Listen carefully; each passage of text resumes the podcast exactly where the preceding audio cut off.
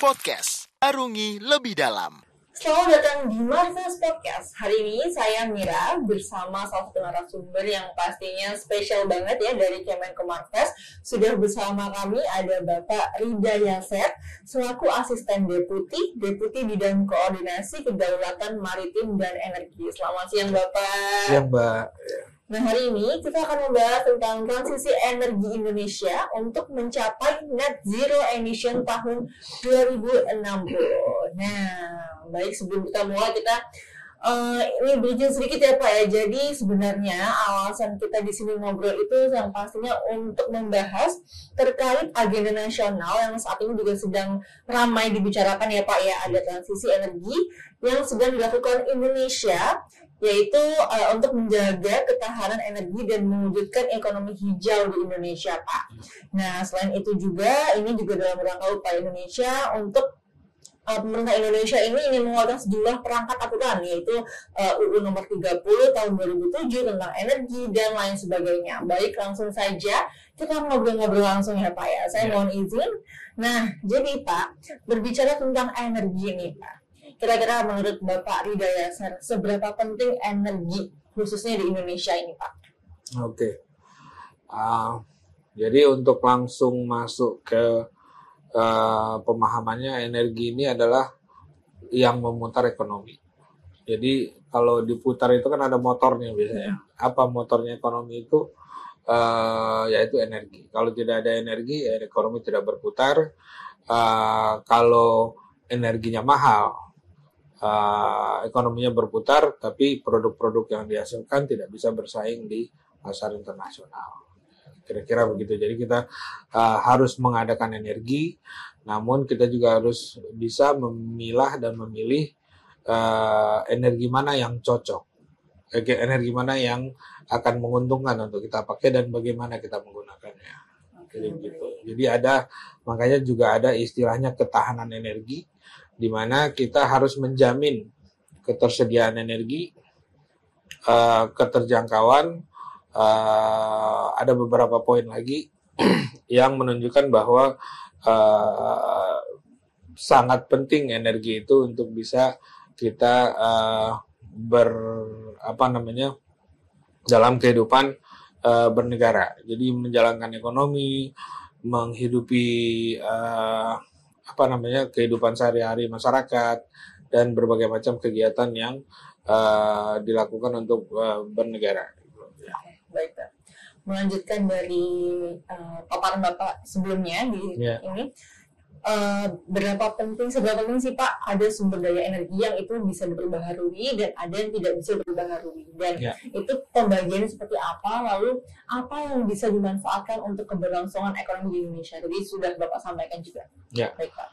Jadi memang energi itu ada yang uh, sifatnya terbarukan, ada yang sifatnya tidak terbarukan, yaitu yang biasanya datang dari uh, bahan bakar yang berbasis fosil seperti minyak, gas, batu bara itu memang menjadi bahan bakar uh, karena uh, secara natural terbentuk dalam proses miliaran tahun. Namun efeknya karena sifat bahan bakarnya itu dibakar, jadi uh, pembakaran menghasilkan CO2 yang sekarang sudah dinilai berlebih sehingga menyebabkan uh, suhu bumi itu meningkat. Dan Hmm. itu mau dikurangi sehingga sekarang eh, dipromosikan juga energi terbarukan yang tidak menghasilkan CO2 sehingga bisa mengurangi eh, kenaikan eh, suhu bumi dan eh, bersifat lebih eh, friendly terhadap lingkungan. Lingkungan. Jadi tidak merusak dan tidak apa namanya tidak menimbulkan eh, emisi CO2 yang bisa meningkatkan temperatur bumi. Sekian, Mbak. Baik, Pak. Jadi memang eh, Indonesia ini sedang mencanangkan untuk pengurangan CO2 ya Pak ya. Ya. Salah satunya juga dengan transisi energi atau energi hijau.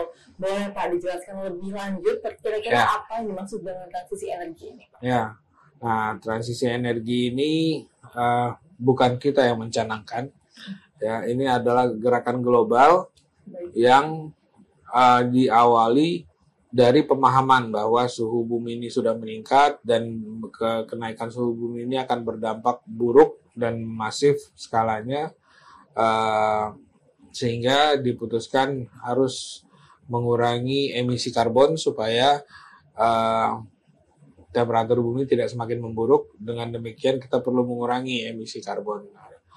Itu disetujui bersama dengan adanya Paris Agreement. Dulu awalnya ada Kyoto Convention, ada sempat ada uh, Bali Convention juga dulu sempat ada.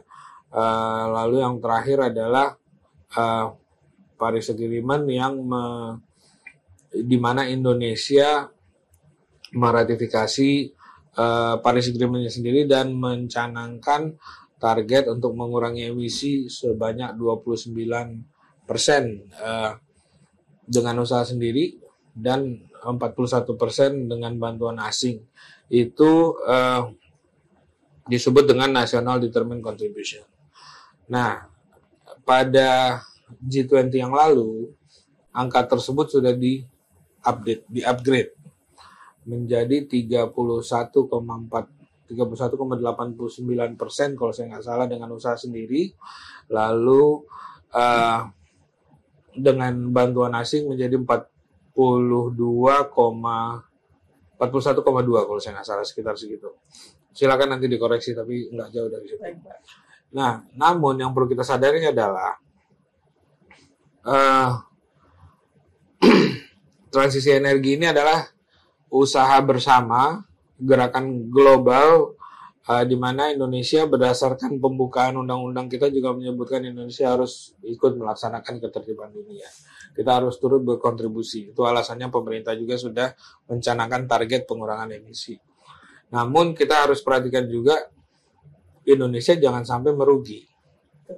Karena uh, yang harus diperhatikan adalah berapa harga energi kita ketika kita mengurangi uh, eh, PLTU. Salah satu yang di uh, saya mau pakai istilah diincar ya sama diincar sama global uh, ke Indonesia untuk dikurangi itu adalah PLTU beserta batu baranya. Hmm. Ya. Nah, jadi kalau kita mengurangi batu bara dalam jumlah tertentu, artinya kita harus mengimbangi. Kita harus carikan uh, sumber energi lain untuk kelistrikan kita dari energi terbarukan misalnya. Bisa PLTA yang banyak sudah kita bangun dan itu tergantung lokasi airnya di mana, lokasi pengguna di mana. Uh, PLTS ini uh, hambatannya adalah kita belum memiliki teknologinya sehingga yang ada di kita sudah ada manufacturing dari sebagian dari keseluruhan step manufakturnya sehingga nilai tambah yang kita dapat dari memproduksi PLTS baru 16%. Jadi 85% nilai tambah bahan baku yang bisa dihasilkan dari produksi PLTS masih dinikmati asing. Artinya kalau kita membeli PLTS masih mahal buat kita karena kita lebih banyak membayar ke asing daripada uh, kita peroleh uh, benefit dari uh, biaya produksinya.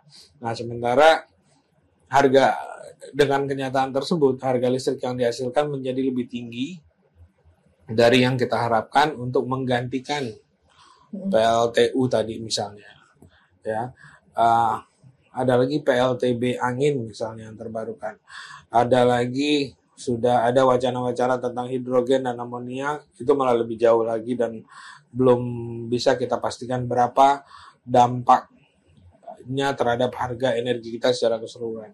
Kenapa kita harus memperhatikan harga energi secara keseluruhan? Karena kita harus memproduksi barang-barang yang akan kita jual ke global market. Kita bertransaksi juga berdagang dengan uh, berbagai negara uh, partner kita di luar mm-hmm. negeri uh, menjual barang-barang produksi yang mereka butuhkan sehingga perekonomian kita berjalan. Itulah yang kita ekspor. Dan juga kita perlu menggunakan energi juga di dalam negeri baik itu energi listrik sebagai energi final maupun di dalam negeri kita masih menggunakan BBM untuk kendaraan bermotor, untuk beberapa mesin produksi dan untuk beberapa pembangkit listrik.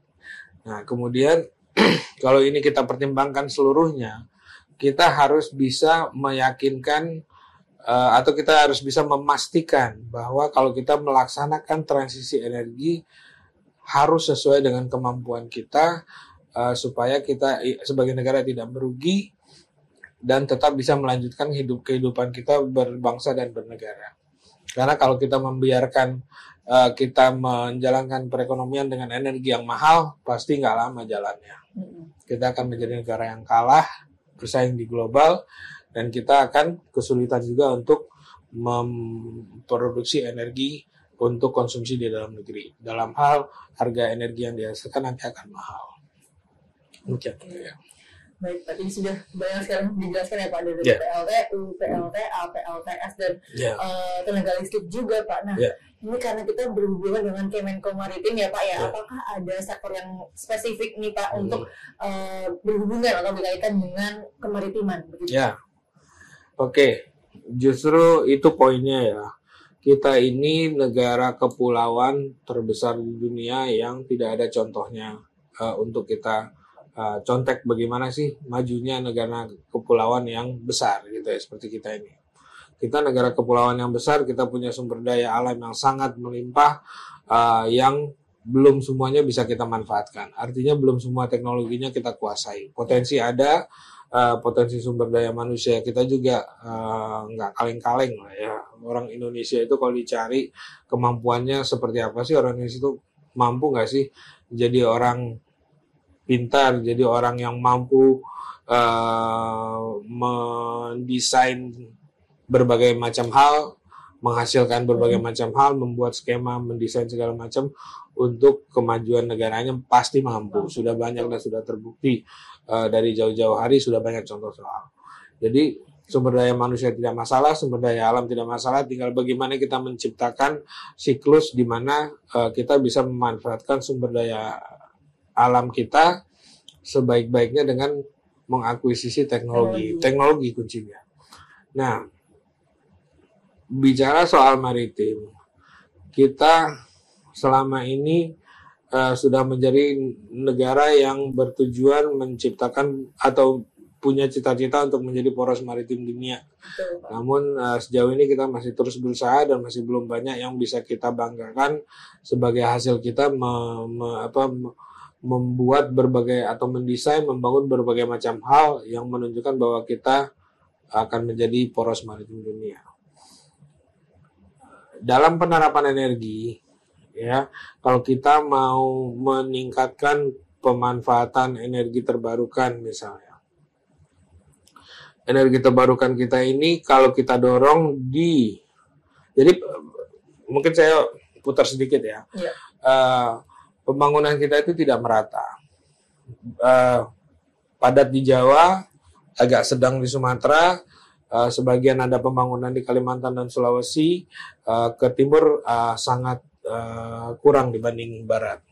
Nah, kalau kita mau mengembangkan lagi uh, energi terbarukan di Pulau Jawa ini adalah sistem yang paling siap. Namun di Pulau Jawa ini juga lah uh, sistem-sistem PLTU sudah dibangun dan banyak yang baru dibangun. Sementara walaupun sudah tidak boleh ditambah PLTU-nya, umur dari PLTU yang banyak baru terbangun ini sampai 30 tahun. Nah, jadi ya, ya? cukup lama. Hmm. Jadi kalau kita mau menambah energi terbarukan di Pulau Jawa, artinya kita akan selain sulit, uh, infrastruktur energi sudah jenuh. Ya, jadi uh, sementara kita yang bicara kemaritiman ini belum memanfaatkan dengan optimal 17.508 pulau kalau nggak salah angka terakhir ya. Mungkin silakan dikoreksi kalau sudah ada update lagi. Uh, 17.500 pulau di Indonesia. Yang dihuni mungkin antara 6.000 atau 7.000, saya nggak hafal persis angkanya. Jadi masih ada sekitar 10 sampai 11.000 pulau yang belum dioptimalkan. Nah, kalau kita memanfaatkan energi terbarukan, tidak bisa besar-besaran di Jawa karena sudah jenuh, tidak bisa di Sumatera masih bisa sebagian, uh, tapi peluang kita sangat besar di banyak pulau yang lain kalau kita bisa meningkatkan uh, apa memanfaatkan sumber daya alam yang ada di pulau-pulau tersebut.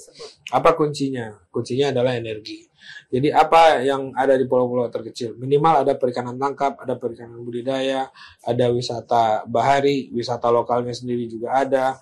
Uh, yang perlu kita ciptakan adalah energi untuk melakukan segala macam aktivitas ekonomi itu menggunakan energi yang murah kalau bisa. Nah, sekarang kita bisa lakukan dengan PLTS. Yang paling mungkin untuk pulau-pulau kecil dan jauh itu uh, adalah PLTS menggunakan baterai atau PLTS digabung dengan genset yang menggunakan gas misalnya. Jangan lagi menggunakan diesel gitu ya. Sekarang genset pakai gas. Nah, selama masih ada tandemnya yang fosil, uh, uh, ini masih akan ada kemahalan yang datang dari delivery bahan bakarnya. Kalau lokasinya jauh, ya, distribusi dan segala macamnya. Nah, kalau kita bisa bangun dengan PLTS dan baterai saja, dibuatkan skala yang besar, tinggal harga baterai yang sebetulnya masih mencapai 40% dari harga sistemnya. Jadi kalau sistemnya agak besar, baterainya sendiri akan membuat sistemnya menjadi agak mahal juga. Nah, kita masih banyak usaha-usaha lain yang bisa dilakukan, masih banyak yang bisa kita uh, risetkan untuk menggantikan baterai dengan air laut misalnya. Jadi uh, kita itu adalah negara yang paling banyak dikasih Tuhan buat Indonesia itu adalah laut. Oh ya air laut yang dikasih paling banyak oleh Tuhan. Nah, berarti kalau Indonesia mau kaya, kalau kita bisa memanfaatkan laut, dari situlah Indonesia akan kaya, gitu ya. Sementara dari daratan kita, kita sudah biasa menikmati minyak, gas, batu bara, uh, hasil hutan, hasil tani, hasil perikanan, uh, peternakan dan lain-lain. Namun hasil di laut belum. Dari situ pun kita sudah oke okay, sudah makmur lah Indonesia ini ya walaupun belum merata. Kalau bisa di, diusahakan sebetulnya bisa untuk diratakan kemakmuran. Jadi uh, selama kita bisa menerapkan energi murah untuk segala macam untuk sekian ribu pulau yang ada, uh, itulah nanti yang akan menjadikan Indonesia uh, menjadi negara apa poros maritim dunia.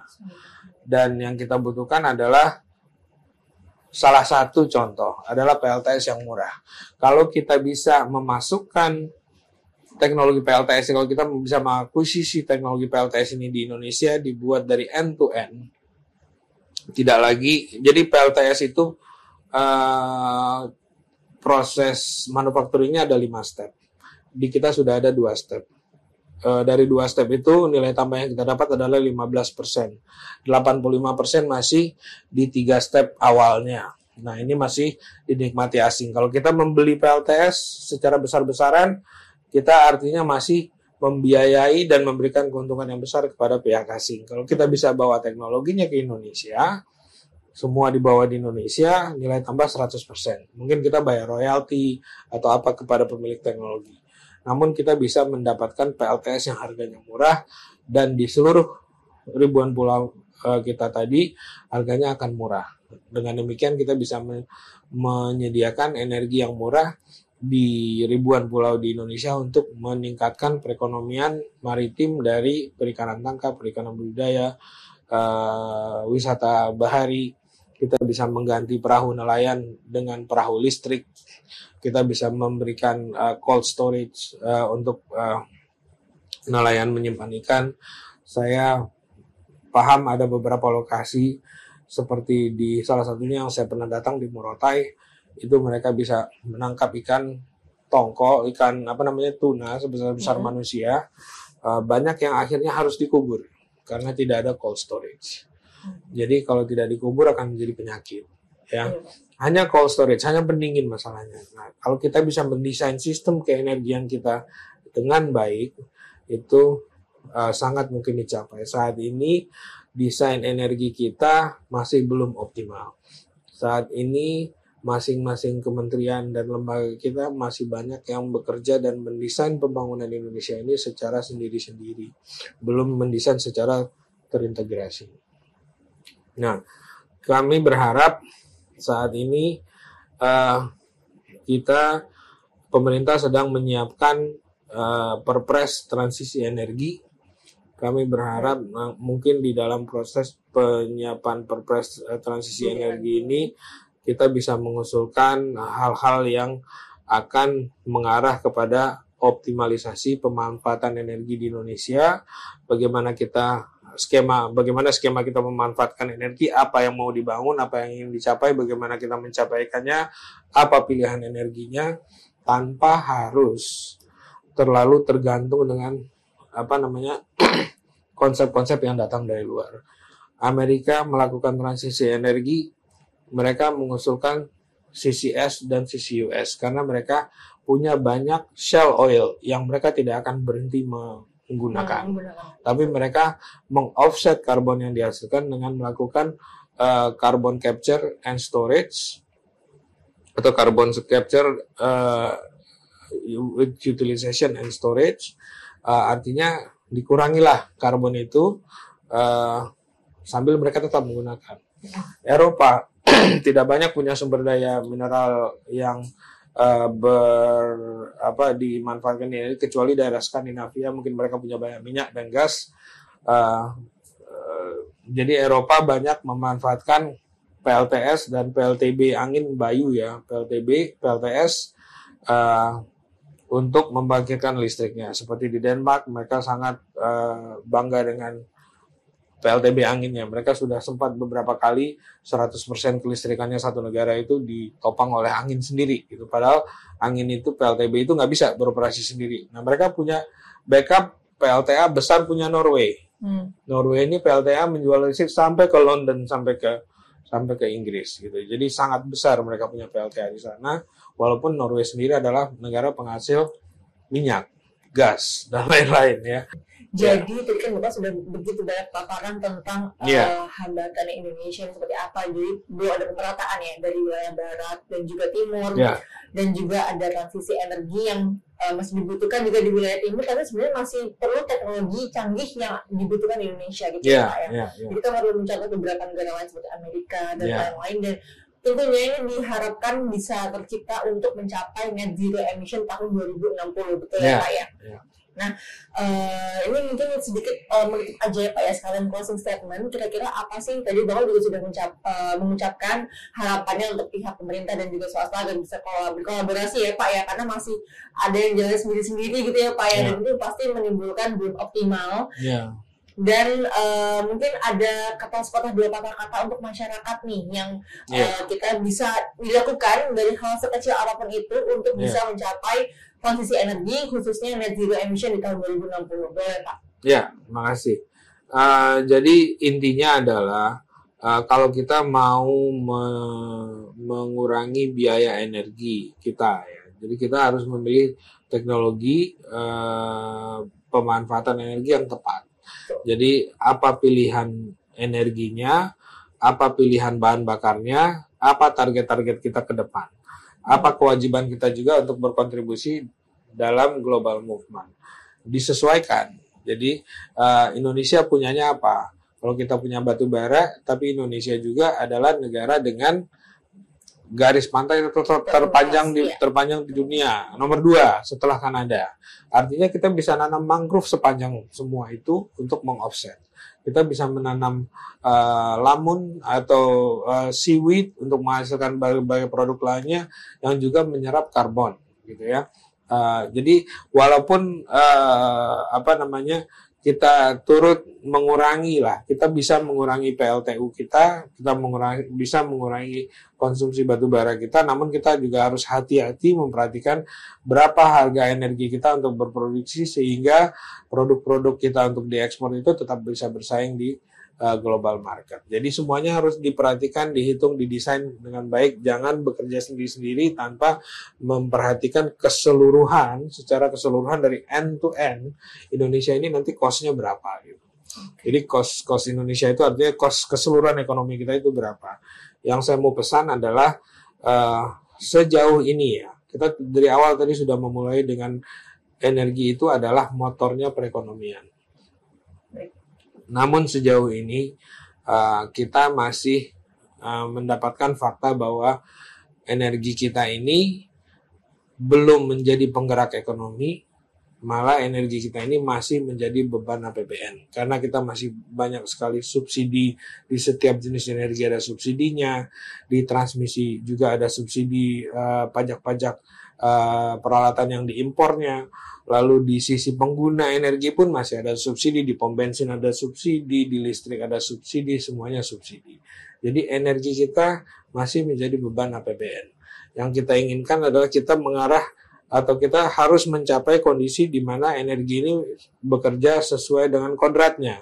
Kalau energi ini sudah memutar ekonomi dengan baik, uh, kita yang memilih format, skema, dan bagaimana pemanfaatan ekonomi yang optimal, kita akan mendapatkan energi yang terbaik, yang murah, yang bisa digunakan untuk uh, uh, kita berkehidupan berbangsa dan bernegara yang akan memajukan negara itu sendiri. Baik, kalau bisa saya simpulkan, transisi energi ini uh, bagus sekali ya Pak kalau bisa iya. dimanfaatkan dengan teknologi yang tepat dan juga contohnya tadi ada penggunaan uh, batu bara dan yeah. juga uh, kemaritiman juga pastinya yeah. dan ini tujuannya tidak lain dan tidak bukan adalah untuk mencapai uh, penggerak ekonomi dan yeah. juga net zero emission di tahun 2060. Yeah. Baik, rasanya uh, kita sudah cukup banyak berdiskusi Pak dan harapannya ya. tidak hanya di Marves aja tapi juga masyarakat dan para pihak yang uh, bisa untuk bergerak bersama-sama bisa ya. untuk mengaplikasikan ya Pak ya, ya transisi energi di Indonesia. Baik. Terima kasih sekali lagi Bapak Ridayasya selaku asisten deputi Deputi Bidang Koordinasi Kedaulatan Maritim dan Energi ya. Kemenko Marves. Sampai jumpa di Marves Podcast selanjutnya. Terima kasih.